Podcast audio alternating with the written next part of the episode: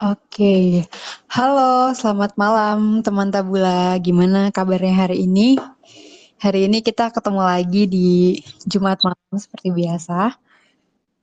Aku harap teman-teman hari ini uh, berjalan dengan baik, teman-teman semangat lagi uh, dalam mengikuti acara pada malam ini ya, setelah melewati hari yang mungkin cukup panjang di hari ini. Oke, okay, uh, teman-teman, Sebelumnya mungkin bisa sambil uh, relax dengerin kita. Jadi hari ini teman-teman mungkin udah baca di poster. Hari ini kita kedatangan narasumber yang luar biasa dan sangat cantik, asik. Jadi uh, kita kedatangan Kavini Febriani.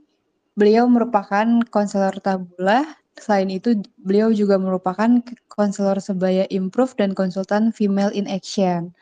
Oke, sebelumnya mungkin uh, aku mau mengingatkan kembali bahwa hari ini kita akan berfokus membahas tentang sisi positif dari perilaku membuka diri. Nah, mungkin teman-teman udah ada yang bertanya, uh, apa sih kira-kira sisi positif dari membuka, uh, membuka diri? Uh, memangnya kenapa sih kita harus membuka diri gitu? Padahal kita uh, bisa kok nyimpen sendiri gitu. Nah, malam ini kita bakal bahas nih bareng sama Kavini. Oke, Kavininya udah ada nih di sini. Kebetulan aku mau sambut Kavini dulu nih. Halo Kavini, selamat malam. Hai, halo, assalamualaikum, selamat malam Dev. Apakah suaraku bisa masuk ke sana?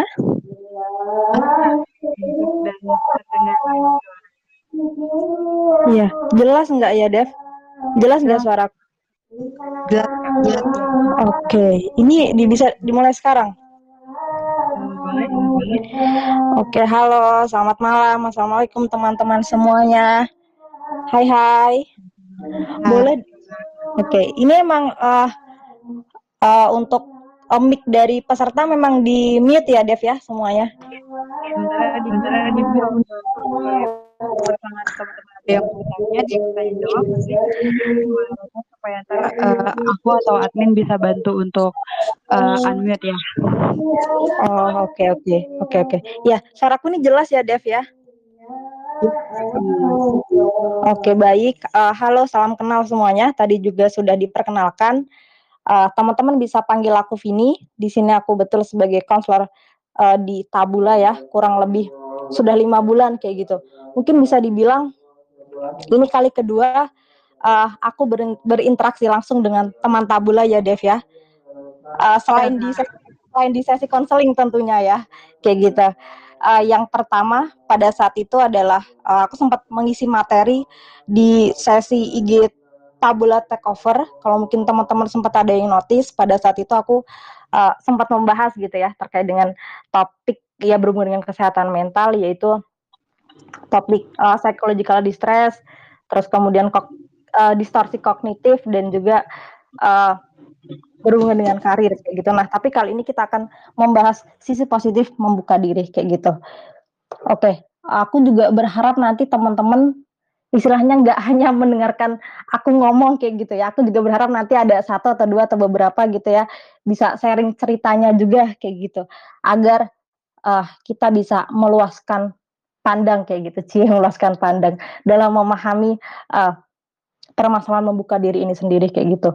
Dan bagi teman-teman uh, yang mungkin punya pengalaman yang istilahnya malah berketerbalikan dengan aku gitu ya. Kalau aku kan awalnya uh, tertutup kayak gitu terus kemudian terbuka. Nah, kalau teman-teman barangkali punya pengalaman yang awalnya terbuka terus tiba-tiba karena ada satu permasalahan atau pengalaman hingga akhirnya pelan-pelan membatasi diri atau menutup diri nanti juga bisa sharing juga kayak gitu karena dari situ kita bisa uh, mengambil titik ya. balance-nya, titik balance-nya atau keseimbangannya kayak gitu. Jadi kan kalau ekstrim tuh nggak bagus ya Dev ya, uh, terlalu berlebihan, iya, terlalu menutup diri atau iya. terlalu membuka diri kayak gitu. Nah harapannya nanti teman-teman juga uh, ada yang bisa bercerita juga harapanku kayak gitu. Oke, okay. uh, terkait dengan membuka diri ini sendiri namanya perjalanan ya proses jadi uh, istilahnya ada rentetan waktu kayak gitu nggak hanya sekarang tapi juga masa lalu. Maka dari itu, uh, terkait dengan istilahnya yang akan aku sampaikan, aku, uh, meng-highlight ada 4 topik atau outline-nya, garis besarnya ada 4 topik. Yang pertama adalah perjalanan atau background-ku dulu dibesarkan tuh seperti apa, kayak gitu, hingga kemudian berpengaruh pada perilaku saat ini. Dan yang kedua nih yang uh, yang paling disukai banyak orang Dev, yang kedua, yaitu turning point, kayak gitu. Istilahnya titik balik, ya kayak orang tobat aja Dev, ada titik baliknya, kayak gitu. Ini yang paling disukain banyak orang. Dan yang ketiga, uh, caraku untuk membuka diri tuh bagaimana sih caranya, kayak gitu. Dan yang terakhir nih juga yang paling disukain banyak orang juga adalah insight. Insight-nya apa sih Kak? Kayak gitu. Uh, dari perjalanan membuka diri itu tadi gitu. Oke, dari yang pertama perjalanan kecil Vini gitu ya, aku mungkin bisa ceritanya gitu ya Dev ya. Jadi Vini uh, dibesarkan dalam keluarga dan dilahirkan dalam sebuah keluarga di mana terutama ibu ya, uh, karena memang ibu yang lebih banyak di rumah dibandingkan dengan bapak, karena bapak mencari uang ya. Ya namanya juga bapak ya Dev ya, mencari uang, mencari mengais rezeki kayak gitu. Jadi emang ibu lebih banyak di rumah. Sorry, ini aku ngomongnya kecepatan nggak deh? Uh, sedikit kecepatan kamu. Oke, sedikit kecepatan ya. Kamu kalau misalkan yeah. nanti di tengah jalan, kalau misalkan aku sempat nge-lag atau suaraku bermasalah, nanti langsung masuk aja ya, Dev yeah, ya? Ya, baik kamu. Ntar aku info. ya, oke. Okay. Uh, eh, ya, karena memang Bapak lebih banyak di luar istilahnya waktunya dan lebih banyak waktu di rumah adalah ibu. Jadi uh, dalam hal pola asuh, terutama pengembangan sosial skill, kemampuan sosial gitu ya lebih banyak dipengaruhi oleh ibu. Dan mungkin teman-teman di sini juga sepakat ya bahwa yang namanya uh, pola asuh orang tua terhadap kita sedikit banyak dipengaruhi dari bagaimana dulunya mereka dibesarkan. Setuju nggak teman-teman? Setuju nggak Dev? Setuju banget kak. Kayak gitu. Jadi kayaknya Devi juga mirip-mirip nyerempet-nyerempet punya pengalaman yang sama nih Dev.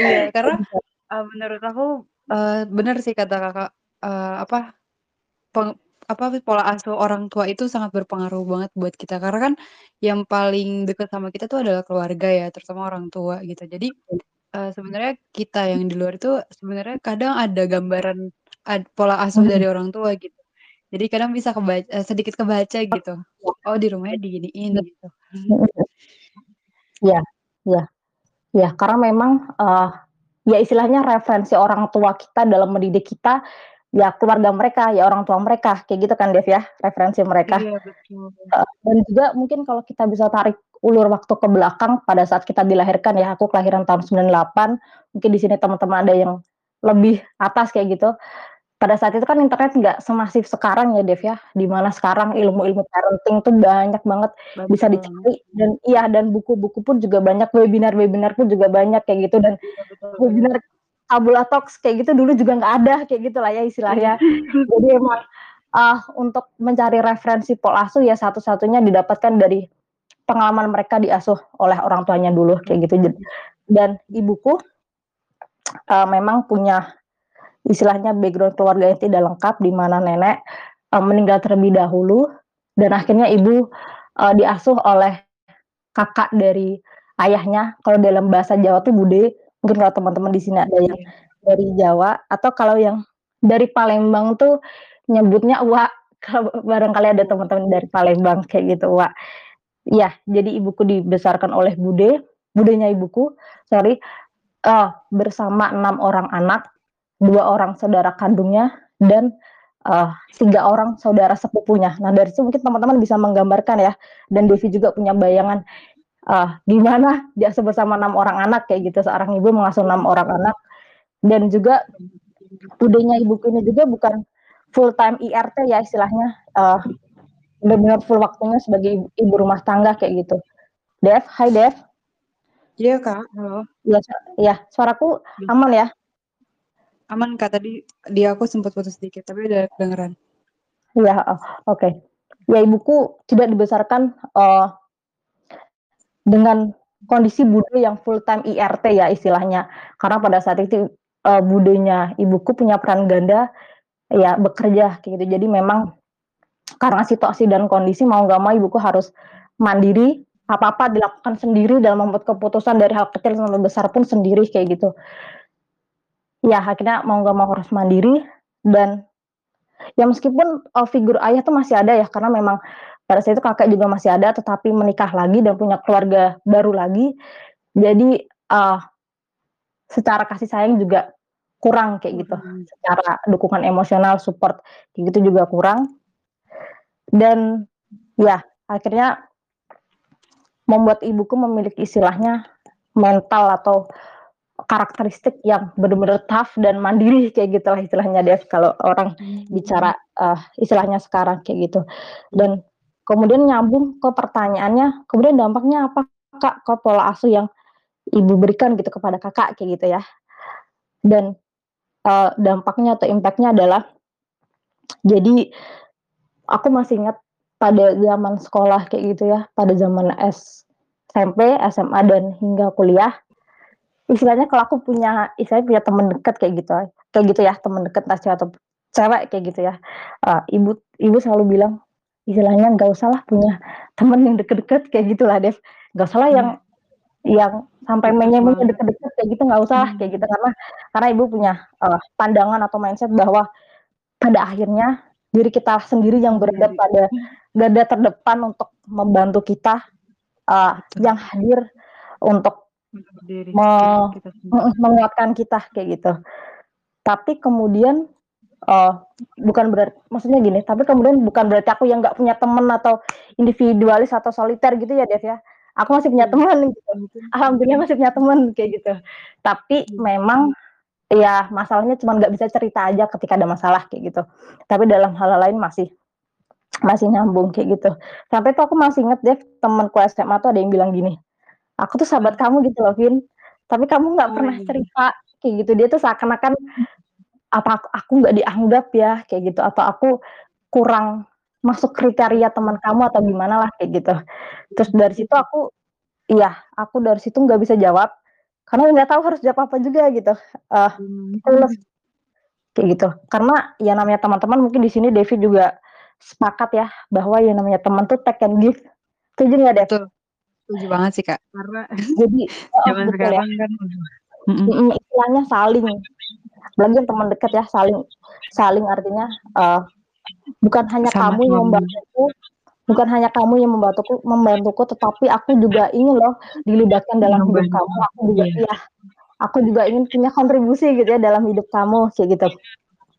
Kemudian berlanjut sampai aku masuk jurusan psikologi pada saat kuliah baru aku memahami bahwa kemungkinan ibu memang memiliki uh, kelekatan menghindar gitu jadi kalau uh, dalam teori psikologi teman-teman mungkin teman-teman ada yang sempat membaca gitu ya sekarang di sosial media banyak bisa kita cari apa pun uh, teori terkait dengan attachment. Uh, teori dengan attachment ini sendiri memang uh, terbentuk karena pengalaman uh, seseorang dengan orang terdekatnya atau pengasuhnya yang dalam hal ini adalah orang tua kayak gitu. Dan jenisnya ada tiga Dev dan teman-teman Abula. Yang pertama ada kelekatan menghindar dan yang kedua adalah kelekatan aman dan yang ketiga cemas. Nah, ibuku ini kemungkinan masuk kepada kelekatan menghindar ya, di mana memang orangnya skeptis atau punya kecurigaan gitulah ya gampangnya uh, terhadap orang lain dan gak ya gak nyaman dengan yang namanya hubungan yang terlalu intim dan juga dekat gitu Dev. Karena takut ditinggal. Karena kan jadi karena udah trauma ya gitu. betul lah. Ya karena punya pengalaman gak diasuh secara langsung oleh ayah kan kakekku. Dan juga sama budenya pun juga tidak diasuh secara full time gitu. Dan kasihnya harus dibagi-bagi. Oke langsung ke turning pointnya ya. Turning pointnya adalah jadi pada saat uh, kuliah tepatnya pada tahun 2018 jadi pada saat itu aku mendapatkan kesempatan interview sebuah beasiswa Dev. Dan di situ diinterview oleh seorang psikolog dan kebetulan juga lulusan dari kampusku. Dan pada saat itu uh, interviewnya fokusnya adalah eksplorasi dari hasil tes psikologiku. Jadi kalau di uh, pendaftaran beasiswa mungkin teman-teman juga sudah paham ya ada rentetannya yang pertama administrasi, tes psikologi, kemudian interview. Nah, yang interview ini lanjutan dari uh, hasil tes psikologiku dan dari situ psikolognya bertanya gini, aku masih ingat, "Vini, uh, orangnya tertutup ya?" Gitu. Terus pertanyaan selanjutnya, "Kenapa?" Kayak gitu. Dari situ pertanyaan itu tidak tidak jawabannya tidak aku siapkan gitu, deh Karena tidak terpikirkan sedikit pun pertanyaan itu gitu. Dan setelah mendengar uh, setelah mendengar pertanyaan itu ya clueless kayak aku nggak tahu harus jawab apa dan menjelaskan seperti apa kayak gitu. Tapi uh, tiba-tiba aku kepikiran untuk menjawab berdasarkan apa yang aku lihat dan pola asuh seperti apa yang diterapkan dalam keseharianku gitu. Memang karena aku tidak diajarkan untuk komunikasi terbuka dan istilahnya diskusi lah kayak gitu. Dan kemudian psikolognya menimpali dengan pertanyaan baru. Terus kemudian kalau ada masalah gimana gitu ya, istilahnya sama kayak pertanyaan teman-teman lainnya kayak gitu. Dan dari situ aku menjawab berdasarkan gini, ya ketika ada masalah, ya pertama uh, minta tolong ke Allah, Tuhan kayak gitu ya. Dan yang kedua baru mengandalkan diri sendiri kayak gitu. Terus dari situ psikolognya menimpali lagi Dev dan teman-teman tabula. Sorry dari tadi nyebut Dev dan teman-teman tabula tentunya. Uh, dari situ psikolognya menimpali lagi begini. Uh, beliau tidak menyalahkan jawabanku ya untuk melibatkan Allah atau Tuhan dalam kehidupan kita gitu. Tapi beliau melengkapi pemahamanku di mana beliau menambahkan jawaban begini bahwa kita sebagai manusia kita juga butuh yang namanya feedback atau uh, ya ya feedback berupa mungkin dukungan emosional dikuatkan atau sudut pandang lain dalam memahami sebuah permasalahan kayak gitu. Setuju nggak, Dev? Setuju banget sih, Kak. Gitu. Iya. Soalnya kemudian kita harus libatin Tuhan juga dalam hidup kita. Iya. Iya, dan kadang ya memang kita manusia biasa ya, kita juga butuh dikuatkan somehow walaupun di situ kita uh, berusaha menguatkan diri tapi tidak bisa dinafikan bahwa dukungan orang lain juga penting gitu ya, Dev ya. Betul Kak, karena kita juga butuh uh, orang lain. Kita sebagai makhluk sosial kan ya Kak. Jadi kalau berjuang sendiri tuh kadang rasanya berat. Kerja makhluk sosial ya Dev ya. Kita butuh orang lain kayak gitu. Terus kemudian nyambung ke pertanyaan selanjutnya karena pada saat itu uh, aku kebetulan sedang berperan sebagai suicide hotline di sebuah komunitas kesehatan mental. Karena aku kan jurusannya psikologi ya. Terus dari situ uh, psikolognya menimpali begini. Kamu ini tidak akan atau tidak akan maksimal uh, dalam hal berempati dengan orang lain, dalam hal uh, mendengarkan orang lain gitu, dalam hal memahami orang lain. Karena kamu nggak pernah tahu rasanya bagaimana dipahami orang lain. Karena kamu nggak pernah tahu bagaimana rasanya didengarkan orang lain. Karena kamu nggak pernah tahu uh, perilaku mana yang kiranya bisa membuat kita nyaman dan tidak nyaman.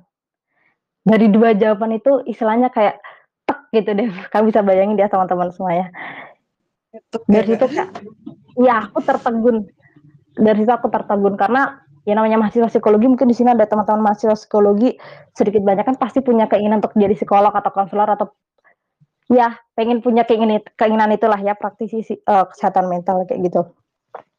Dan uh, setelah dari jawaban itu kayak aku tertegun gitu dan ya lebih merenung sih merenung terus kemudian Ya merenungnya karena begini, karena pada saat aku umur 20 tahun, jadi istilahnya sampai umur 20 tahun tuh nggak ada yang menggedor value-ku atau pandangan hidupku yang aku yakini betul kayak gitu deh.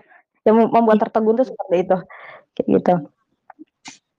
Ya, dan kemudian aku pelan-pelan menyadari bahwa oh ya, uh, benar juga ya yang tadi psikolognya katakan bahwasannya bisa jadi pertolongan Allah atau pertolongan Tuhan itu salah satunya melalui perantara orang lain kayak gitu iya. melalui uh, melalui perantara orang yang kita ajak cerita kita ajak diskusi kayak gitu. Bisa jadi uh, perantaranya tuh melalui situ.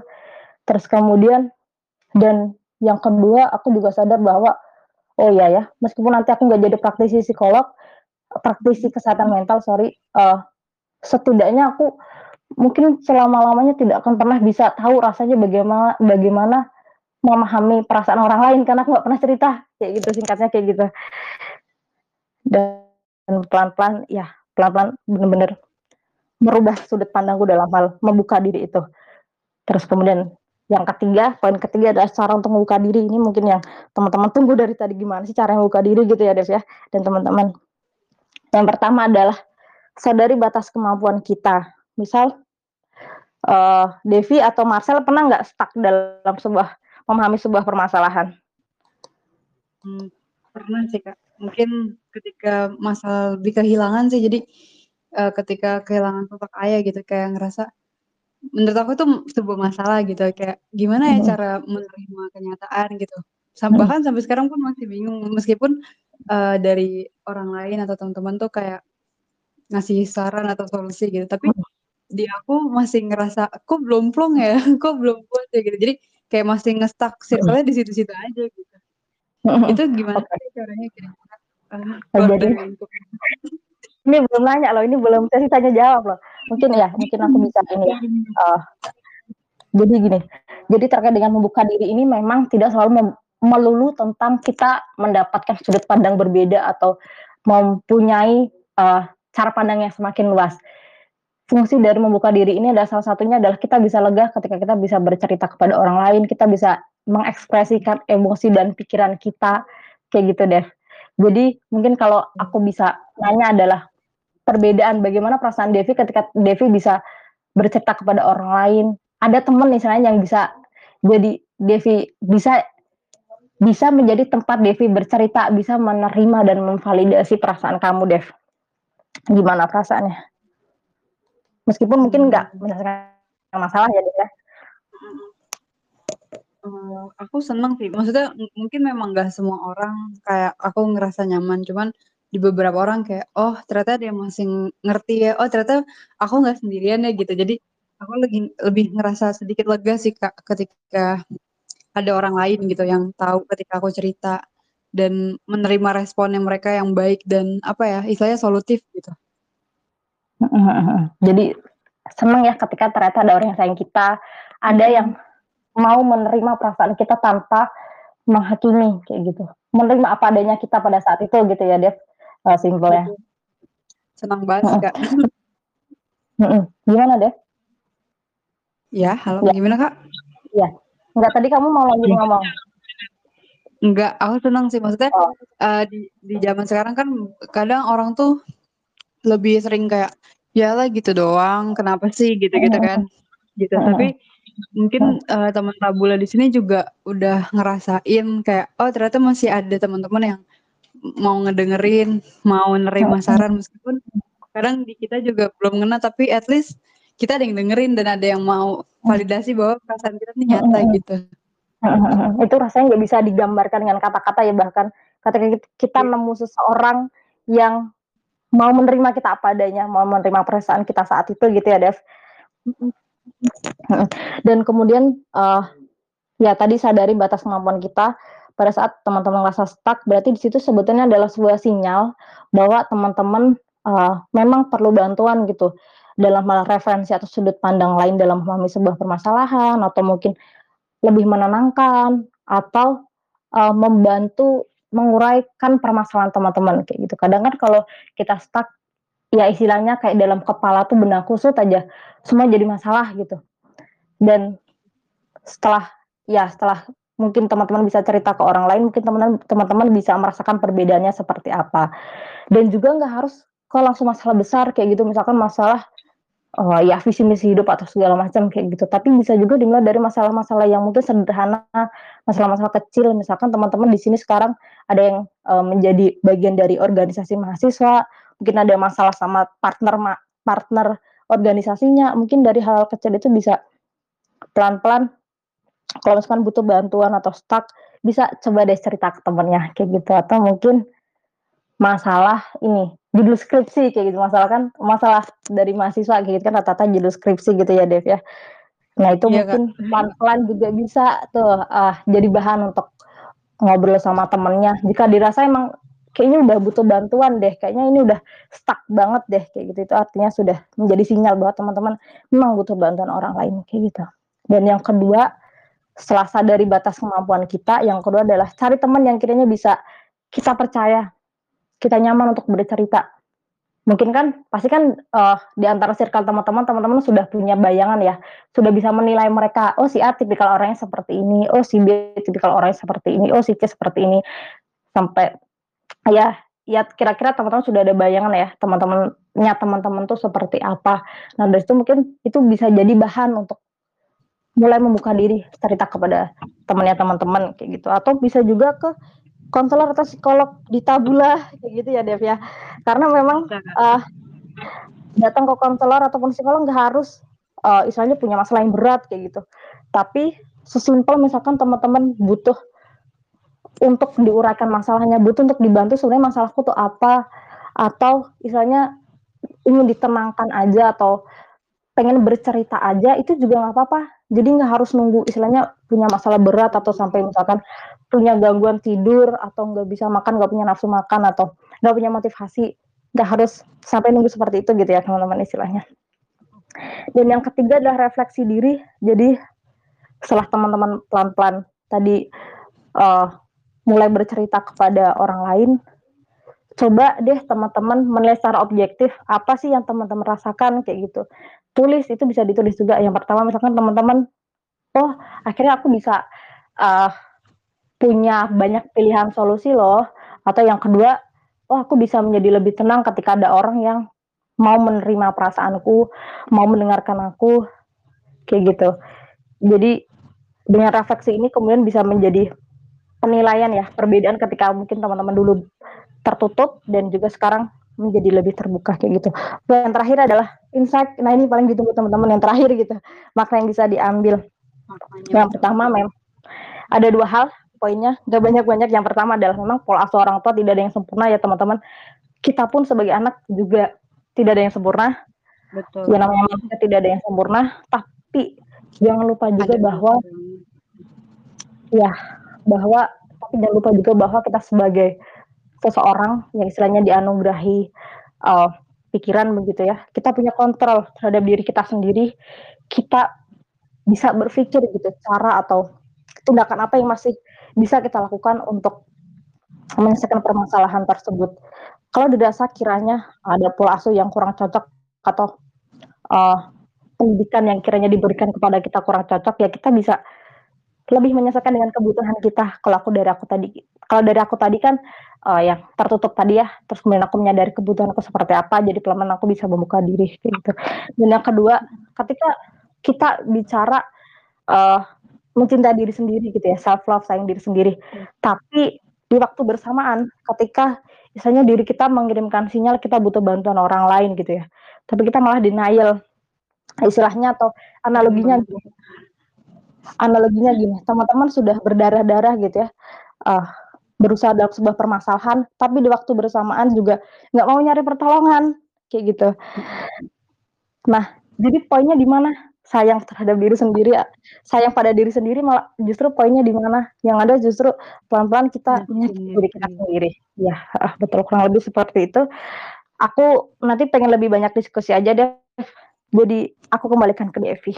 Mmm, oke berarti mungkin, eee, tadi yang aku tanya sih Kak, kayak temen dari yang tadi udah Kakak paparkan, yang aku simpulin kita harus membuka diri karena dengan membuka diri itu adalah salah satu bagian dari cara kita mencintai diri kita sendiri, betul ya Kak ya? Iya, betul. Tapi Karena ya eee, pada saat dirasa kita mhm. membutuhkan bantuan ya. Iya. Mhm mhm. Iya betul, itu bentuk diri kita mencintai diri kita sendiri. Ya maksudnya, eee, gini, mencintai diri sendiri tapi di waktu bersamaan kita berdarah-darah, kita butuh bantuan, tapi kita denial.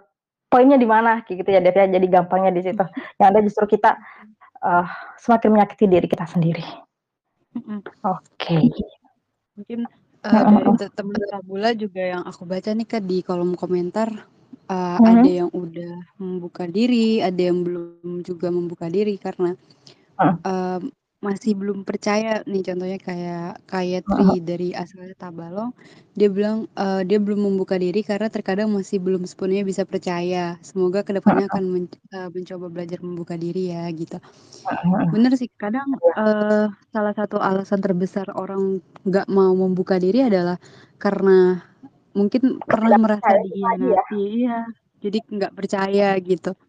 Itu sih, jadi kalau kayak gitu kadang bingung mau nyalahin siapa, tapi ya kayak. Kakak bilang tadi bahwa ya semuanya balik lagi ke diri kita. Jadi kita nggak Mhm. bisa menilai siapa yang salah, tapi lebih ke gimana Iya. caranya kita bangkit dari keterpurukan, ya kan, Kak, ya? Iya, heeh, betul. Bisa dipahami ya, Dev, ya, karena memang ya ketidakpercayaan ini bisa menghambat seseorang untuk membuka diri ya. Nah, tapi mungkin dari aku bisa misalnya menambahkan bahwa sebetulnya ada cara yang yang membantu kita dalam menyeleksi seperti apakah seperti apa sih orang yang kiranya bisa dipercaya. Biasanya kan kalau di sekitar kita, kita tuh percaya sama orang karena kita udah deket ya. Misalkan aku percaya sama Devi karena kita udah lama kenal. Kita ya Devi baik lah istilahnya secara general Devi baik kayak gitu. Nah, itu tuh, eee, pertimbangan secara emosional karena kita deket. Tetapi juga, eee, dalam hal memberikan kepercayaan kepada orang lain selain mengutamakan emosional atau kedekatan tadi, juga dalam hal kognitif. Artinya kita menilai secara objektif, dia tuh tipikalnya seperti apa, kayak gitu. Jadi misalkan walaupun aku sama Devi deket, tapi secara objektif aku menilai Devi, oh Devi walaupun aku deket sama Devi ya, tapi Devi tuh orangnya, eee, istilahnya gampang cerita sama orang lain kayak gitu. Ya jangan menutup Mhm. bukti itu juga, kayak gitu. Jangan menutup bukti bahwa memang secara objektif dia seperti itu, gitu. Jadi nggak hanya secara emosional tetapi juga Objektif. dari data kayak gitu, dia tipikalnya seperti apa. Itu bisa teman-teman list. Kayak gitu, Dev. Lebih Jadi ada 2 pertimbangan ada 2 pertimbangan. Berarti lebih ke ke hati-hati ya, Kak, kalau kita mau cerita. Karena ya bener yang Kakak bilang tadi bahwa nggak semua orang itu objektif dan apa ya, Mhm. sisi perasaannya tuh seimbang gitu. Mhm mhm. Kayak gitu.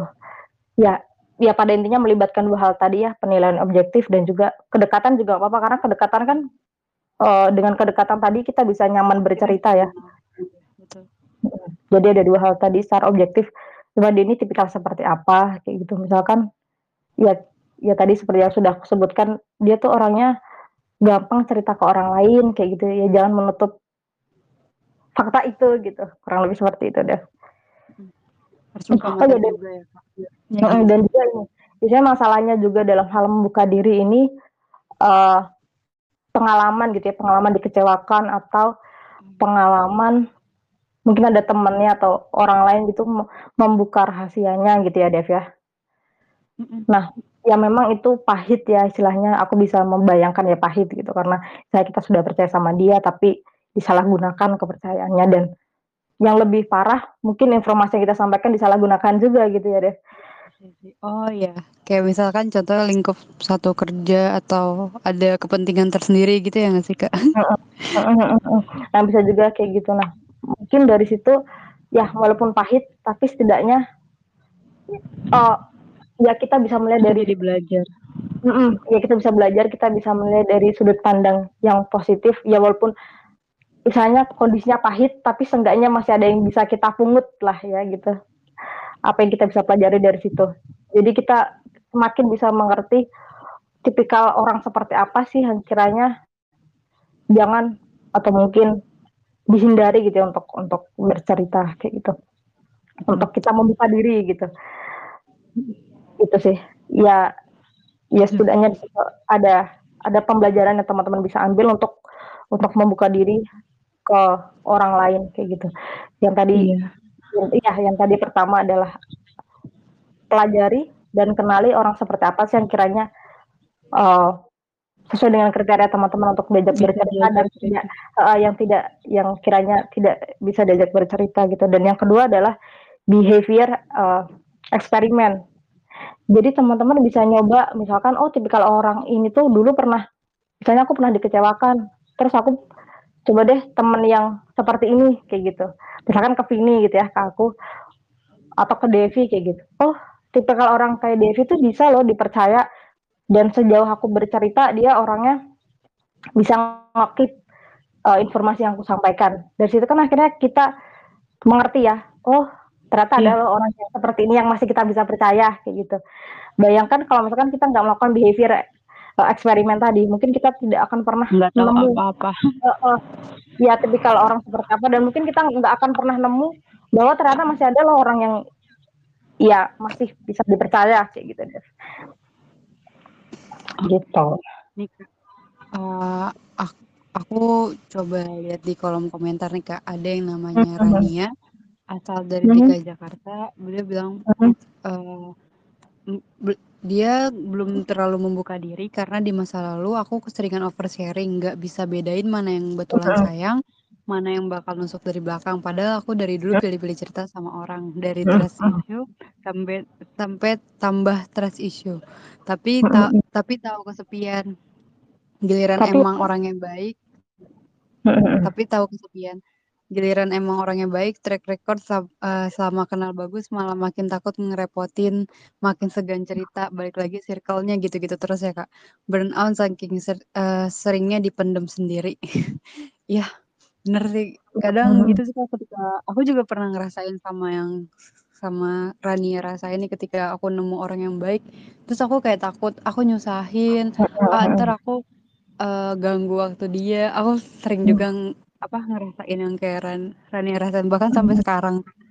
Kan uh, tapi itu kadang ketika yeah. kita udah nemu orang yang tepat itu malah kita jadi bergantung gitu Kak sama yeah. dia. Jadi kayak hmm. oh berarti ya ke dia ke dia. Istilahnya kayak rum, uh, rumah kita dia gitu. Tapi kan balik lagi ya bahwa manusia uh, punya urusannya masing-masing dan gak cuman aku doang gitu ya.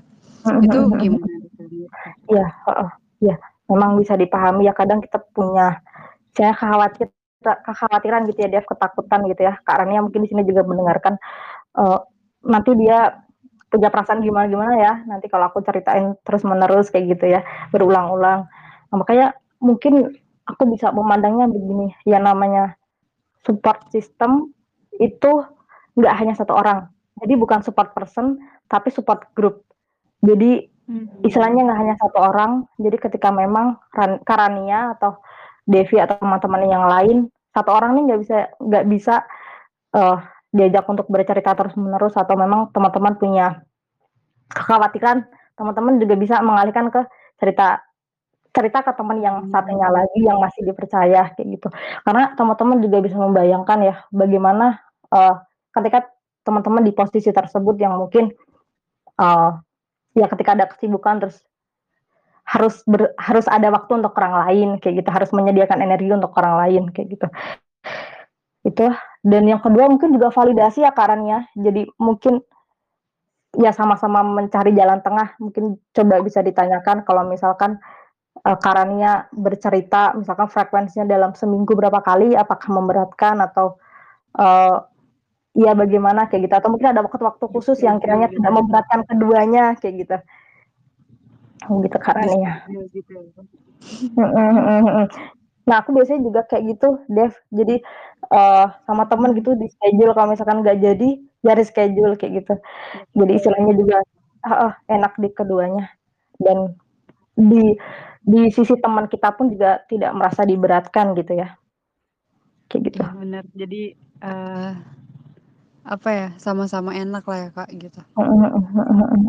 Dan juga mungkin perlu juga untuk menyampaikan tujuan ya, Dev, ya. Ketika kita ingin membuka diri kepada orang lain, yang pertama misalkan, "Aku pengen didengerin aja," kayak gitu. Jadi kamu nggak usah maksudnya, uh, mau memberikan solusi atau segala macam, kamu kayak cuma diem gitu dengerin aku, itu sudah cukup. Itu mungkin bisa juga di disampaikan juga ya ketika mungkin pada saat membuka diri, agar teman kita tuh tahu kita tuh maunya seperti apa. Atau misalkan ketika kita pengen punya sudut pandang yang lain nih dalam mempermasalahan itu juga perlu untuk disampaikan kayak gitu agar ya teman kita juga memahami dan kitanya juga bisa mencapai tujuan kita jadi nggak misleading segitu kadang kan orang nggak bakal tahu ya kak kalau kita nggak ngasih tahu apa mau kita.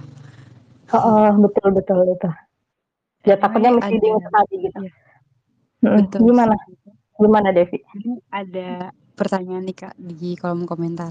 Kak izin bertanya dari Kuaci, bagaimana ya membuat batasan diri dalam membuka diri agar tidak oversharing. Kadang karena terlalu sering memendam emosi sendiri, saya sering tidak sadar terlalu oversharing baik dengan tatap muka ataupun di sosmed. Ya. Kira-kira? Mmm. Ya, oversharing ini juga iya sebena ya juga menjadi permasalahan ya selain tadi tertutup tadi juga oversharing juga menjadi permasalahan. Mungkin yang bisa menjadi pertimbangan adalah pertama, teman-teman mungkin bisa menyadari bahwa, eee, informasi personal ini punya kemungkinan disalahgunakan atau tidak, kayak gitu. Jadi yang namanya informasi personal kan ya pasti ada kemungkinan sorry, eee, ya ya pasti ada kemungkinan disalahgunakan gitu kalau misalkan kita bercerita kepada orang yang tidak tepat gitu ya, Dev, ya. Iya sih, Kak. Misal Soalnya misalkan gini, ya ini aku nyambung sama pengalaman konselingku gitu ya, Dev, aku bisa cerita ya, Dev, ya. Iya iya. Dan semoga bisa menjadi, eee, wawasan juga buat Kak Kuaci tadi. Jadi, ya kebetulan ini baru kemarin banget jadi, eee, dia itu bercerita gitu ya, dia berada dalam sebuah project penelitian gitu sama teman-temannya, terus kemudian dia, eee, istilahnya terlalu membuka masalahnya ya, masalah dalam hal penelitian tersebut pada partner penelitiannya juga, kayak gitu. Terus dari situ informasinya disalahgunakan, terus disampaikan ke dosen akhirnya dia dia dinilai negatif atau dicap negatif kayak gitu. Nah dari situ akhirnya yang hal yang bisa kita ambil adalah ber jangan bercerita kepada seseorang yang kiranya punya potensi, punya kepentingan, punya potensi kepentingan tertentu. Kayak gitu, entah dalam hal lingkup pekerjaan, kayak gitu atau mungkin ya, ya heeh, kayak gitu, yang punya potensi kepentingan tertentu. Kayak gitu. Ya mungkin itu yang heeh, yang bisa kemudian menjadi pertimbangan gitu ya. Atau, eee, yang kedua adalah eee, pasti dalam hal problem solving aku yakin teman-teman di sini juga pasti punya kemampuan untuk problem solving itu sendiri gitu ya, yang artinya memang, eee, tahu gitu permasalahan seperti apa yang kiranya kita bisa selesaiin sendiri, dan permasalahan seperti apa yang kiranya kita bisa kiranya kita perlu bantuan orang lain.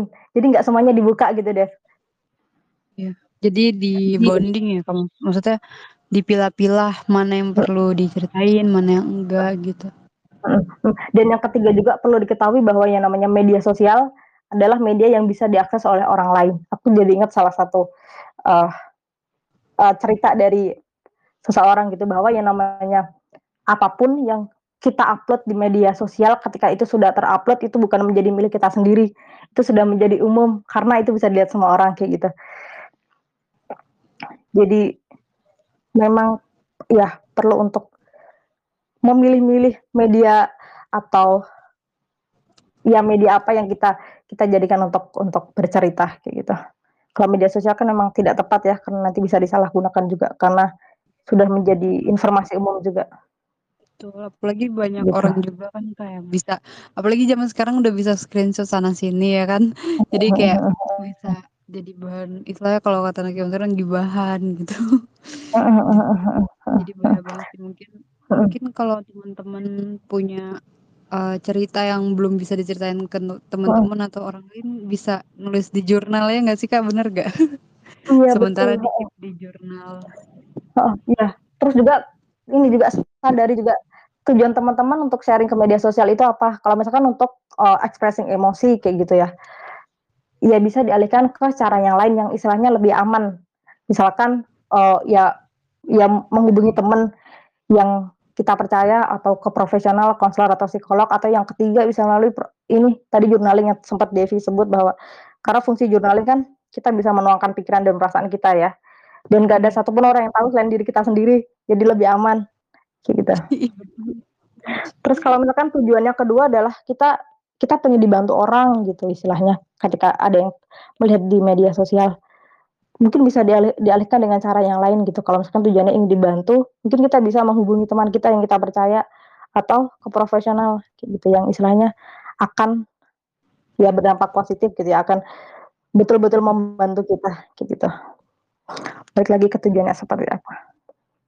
Betul, Kak. Uh, mungkin kalau teman tabula lainnya.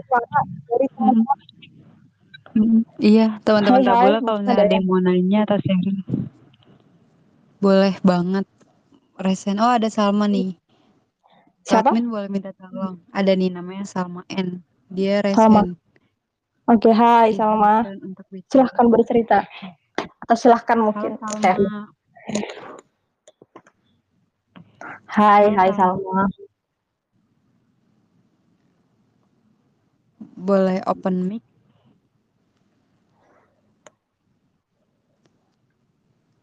Halo Salma, nih sambil nunggu Salma.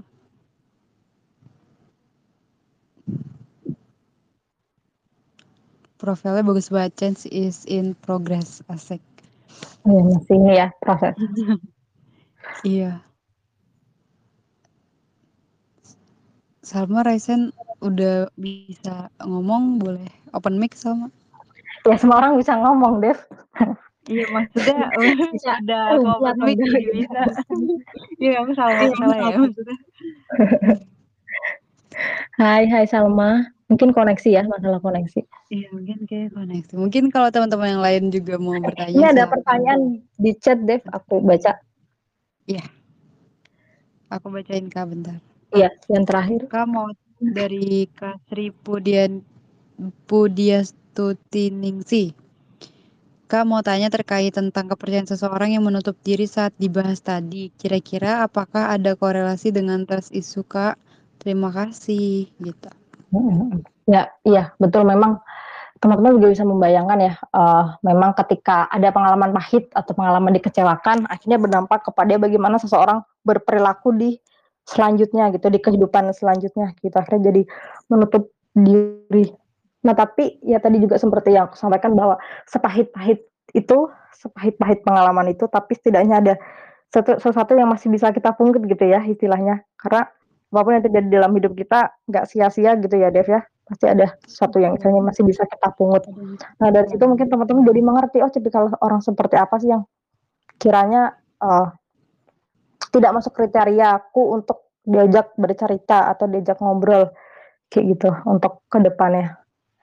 Dan yang kedua tadi behavior uh, eksperimen teman-teman bisa nyoba ke oh ini kayaknya tipikal orang seperti ini nih yang cocok. Nah coba teman-teman mulai bercerita kepada orang tersebut. Gak perlu masalah yang besar tapi bisa dimulai dari masalah sederhana kayak tes gitu loh, tes drive itu istilahnya. Kayak nyoba dulu deh, itu orangnya tipikalnya seperti apa kayak gitu. Kok ketawa deh. Iya. kayak gitu. Jadi ya jadi ya dari masalah sederhana dulu terus kemudian kita evaluasi dari situ kita nilai oh oh kalau misalkan dari hal kecil ini dia bisa uh, menjaga informasi yang kita sampaikan bisa dipercaya ya kita bisa tahu oh dia bisa kita ajak bercerita loh selanjutnya kayak gitu. Kita bisa ajak untuk ngobrol ke depannya. Betul kak. Karena semakin uh, mungkin ini juga ada uh, nyambung sama Karania tadi juga bahwa uh, mungkin selain berfokus kepada orang lain ya mungkin kesalahan orang lain pun kita juga uh, refleksi diri. Refleksi uh, diri. Dalam, uh, dalam hal mungkin dalam hal ketika kita bercerita kepada orang lain tadi ke orang lain yang sebelumnya mengecewakan kita uh, apakah kita terlalu oversharing kayak gitu apakah uh, ada informasi-informasi yang sebetulnya nggak perlu disampaikan tetapi disampaikan atau apakah mungkin kita terlalu uh, istilahnya mementingkan diri sendiri. Jadi nggak pernah menanyakan dari uh, pihak sebelah artinya kesediaan, kesediaan dia kesediaan waktunya. Iya terus kemudian juga tujuan kita apa kayak gitu. Tujuan kita uh, untuk meluapkan emosi atau ekspresi emosi aja agar lega atau untuk me melihat sudut pandang lain kayak gitu. Uh, kadang kalau oversharing itu kan kita nggak sadar ya, maksudnya ya kita cerita-cerita aja menurut kita ini enak buat dijadi jadiin bahan omongan gitu, walaupun itu tentang diri kita ya. Kayak uh, ya udah, tapi akhirnya kita nggak sadar kalau misalnya kita udah uh, apa ya, udah mengeluarkan informasi yang seharusnya nggak perlu orang lain tahu gitu. Tapi ya menurut kita ya baik ya ya udah tapi kita lega-lega aja pada saat mengeluarkan informasi itu. Tapi ketika udah ada kayak isu omongan orang ngomongin kita gitu, kok bisa tahu kan? Uh, aku nggak ngomong sama kamu gitu-gitu. Tiba-tiba oh dari temennya yang lain gitu. Itu gimana sih kak kita mengontrol oversharing itu? Maksudnya kayak kan itu kadang kalau kita udah asik cerita ya keluar aja gitu. Jadi aku pernah sih untuk ngontrol kayak gitu, tapi jadinya kayak rada nggak nyaman gitu Kak karena kebia maksudnya aku biasa cerita-cerita aja cuman ketika aku harus kayak hati-hati banget jadi kayak kurang nyaman gitu. Jadi untuk batasannya ya Dev ya. Batasannya kiranya oh, Ya, gini, terkait dengan, uh, batasan informasi apa yang kita sampaikan kepada orang lain, itu kan berbeda-beda ya, mungkin dari Devi berbeda, kalau dari aku berbeda kayak gitu ya, kriterianya apa yang perlu disampaikan, mana yang, uh, tidak, kayak gitu ya, Dev, ya. Mungkin, uh, poinnya adalah, uh, apakah, uh, si orang yang kita ajak bercerita ini punya potensi Oh ini, memiliki kepentingan tertentu, kayak gitu.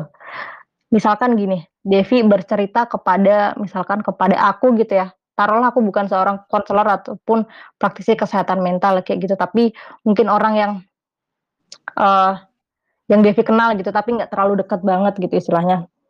Atau orang yang di luar circle-nya Devi, dan Devi ceritanya masalah temen kayak gitu ya, kayak gitu. Oh iya. Apakah apakah mungkin aku akan memanfaatkan informasi yang Devi sampaikan?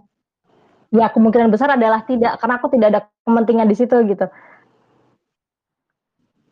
Gitu, jadi kenali Oh, kenali apakah ada kemungkinan punya kepentingan tertentu, gitu. Berarti balik lagi kita harus, uh, apa ya, mengenali, apa ya, lebih ke lingkungan dan siapa yang mau kita ajak bicara gitu sih, kayak. Ya. Iya. Uh, mungkin teman-teman ada yang mau Tadi nanya lagi nih Salma sebelum Salma bisa nggak ya? Salma? Salma tadi Iya. bisa apa enggak? Salma. Kayaknya Salmanya udah nggak ada deh, Kak. Oke, ya udah mungkin dari teman-teman yang lain Mungkin ada yang punya pengalaman berbeda gitu atau sekarang dalam proses perjalanan atau mungkin sudah sama kayak aku gitu ya, istilahnya sudah sampai ketemu insight-nya gitu.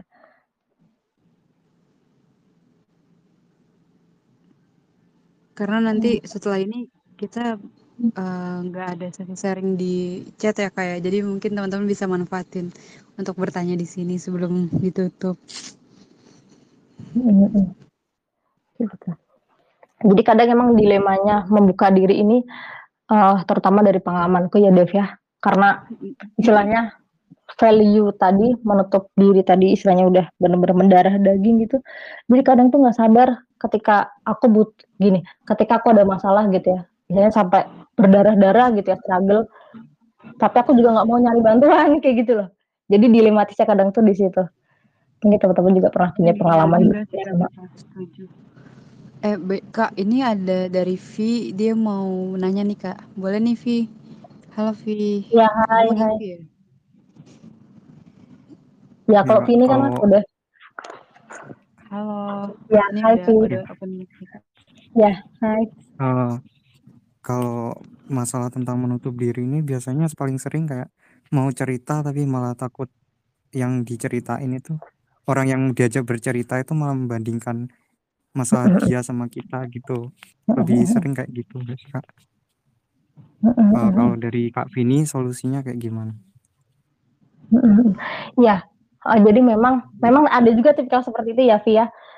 Memang tipikal orang di sekitar kita itu banyak banget macam-macam gitu ya, unik, manusia itu unik ya, karena ya, yang pertama yang mana memang ada tipikal orang yang bisa memahami orang lain, bisa menerima perasaan orang lain, istilahnya dia menerima apa adanya kita pada saat datang.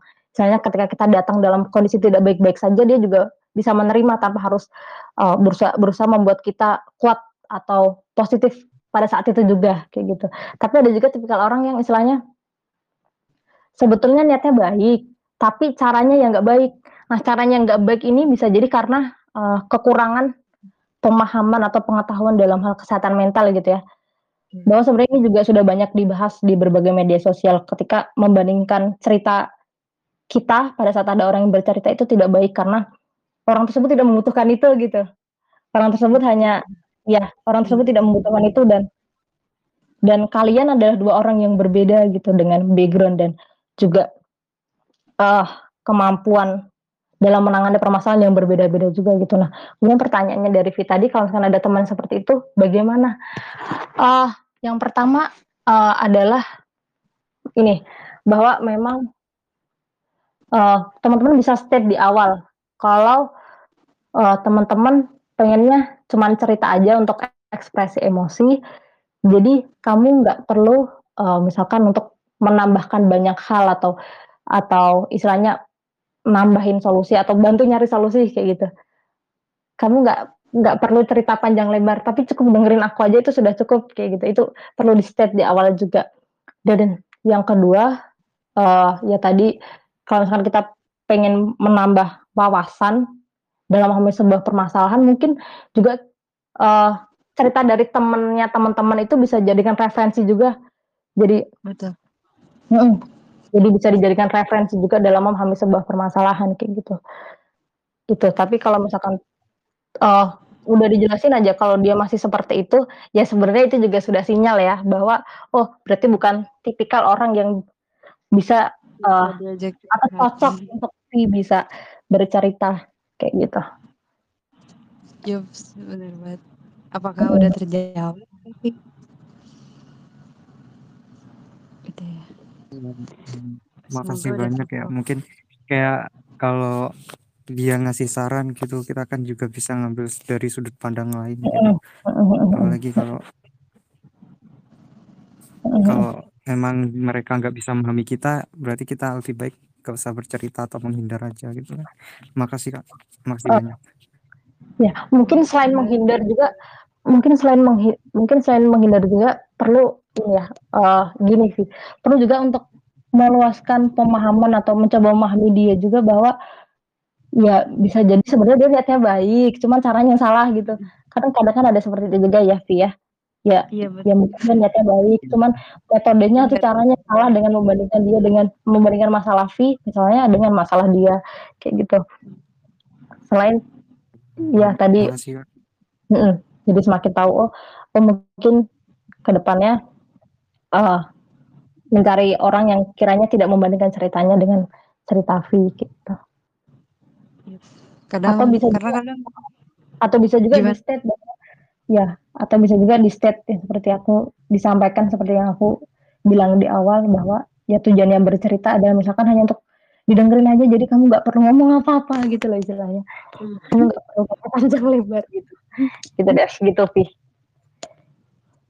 oke iya jadi yang paling pasti adalah kita ngasih tahu dulu nih tujuan kita apa sebelum cerita. Jadi biar nggak salah ke depannya. Jadi kan niat kita cerita biar lega jadi bukan jengkel ya gitu jadi jengkel gitu. Oke mungkin uh, summary yang aku dapat ini dari sharing kita malam ini kak.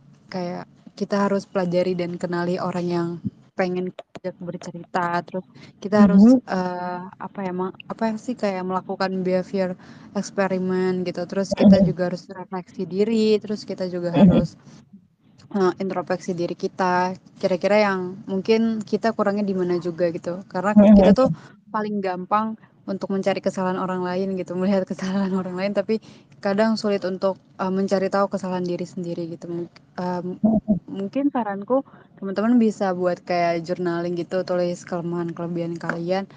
Sama aku juga sama-sama lagi belajar juga dalam hal itu. Jadi uh, teman-teman bisa tahu lebih dalam tentang diri teman-teman kayak gimana gitu mungkin uh, Kak Vini ada closing statement yang pengen disampaikan nih Kak sebelum kita closing Ya, kurang lebih tadi sebenarnya sudah aku sampaikan sih Devi bahwa ya ada dua hal.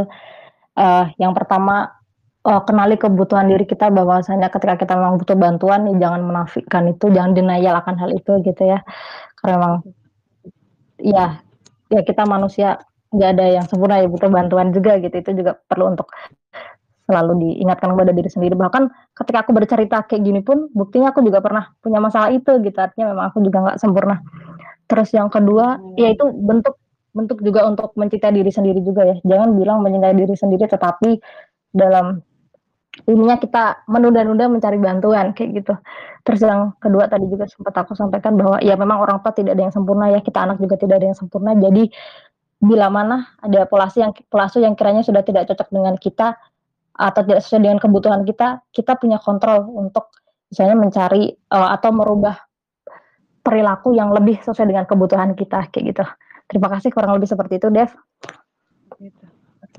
Thank you Kak Vini atas waktunya malam ini. Semoga teman-teman yang punya keresahan atau kegalauan tentang uh, gimana caranya membuka diri itu ke orang lain karena mungkin teman-teman masih punya tersisu terbantu dalam sesi sharing malam ini yang udah kita lewatin selama satu jam ke belakang. Terus uh, mungkin teman-teman kalau misalkan masih bingung atau apa, tenang aja karena bisa konseling di Tabula Talk. Di Tabula Talk kan jadi di Tabula. Teman-teman tinggal pilih aja kira-kira mau pilih konselornya sama siapa. Bisa juga sama Kavini karena Kavini juga merupakan konselor Mhm. di Tabula. Betul, betul. Oke, dan jangan lupa tanggal 15 aku uh, akan ngisi materi lagi lagi dengan topik yang berbeda. Jadi jangan lupa teman-teman untuk join gitu kita bisa interaksi lagi. Terima kasih teman-teman. Mohon maaf bila ada salah kata atau perbuatan. Semoga teman-teman bisa uh, memaknai atau mengambil sudut pandangnya lebih positif. Yuk. Terima kasih juga Kak Vini atas waktu dan kesempatannya udah mau sharing dan belajar bareng di Tabula Talks malam ini. Terima kasih juga buat teman-teman Tabula yang udah hadir malam ini, yang udah mau belajar bareng. Semoga kita ke depannya akan menjadi lebih baik lagi, menjadi pribadi yang semakin tangguh dan kuat. Dan sampai jumpa di Tabula Talks malam Sampai Jumat jumpa. depannya. Terima kasih Sampai Kak. jumpa Buat teman-teman. Tabula. Waalaikumsalam. Buat teman-teman Tabula, uh, jangan lupa kita ada giveaway. Kita ada giveaway uh, yaitu konseling plus workshop journaling. Uh, untuk dua orang yang menang akan diinfokan melalui DM Instagram oleh admin Tabula Talks ya teman-teman. Nanti untuk free counselingnya yang teman-teman berhasil mendapatkan atau uh, terpilih akan di uh, apa mendapat konselornya langsung dari Kak Vini. Jangan lupa untuk mengisi uh, formulir untuk kehadirannya karena teman-teman nanti akan dikirimkan sertifikatnya melalui formulir tersebut. Terima kasih teman Tabula, sampai jumpa.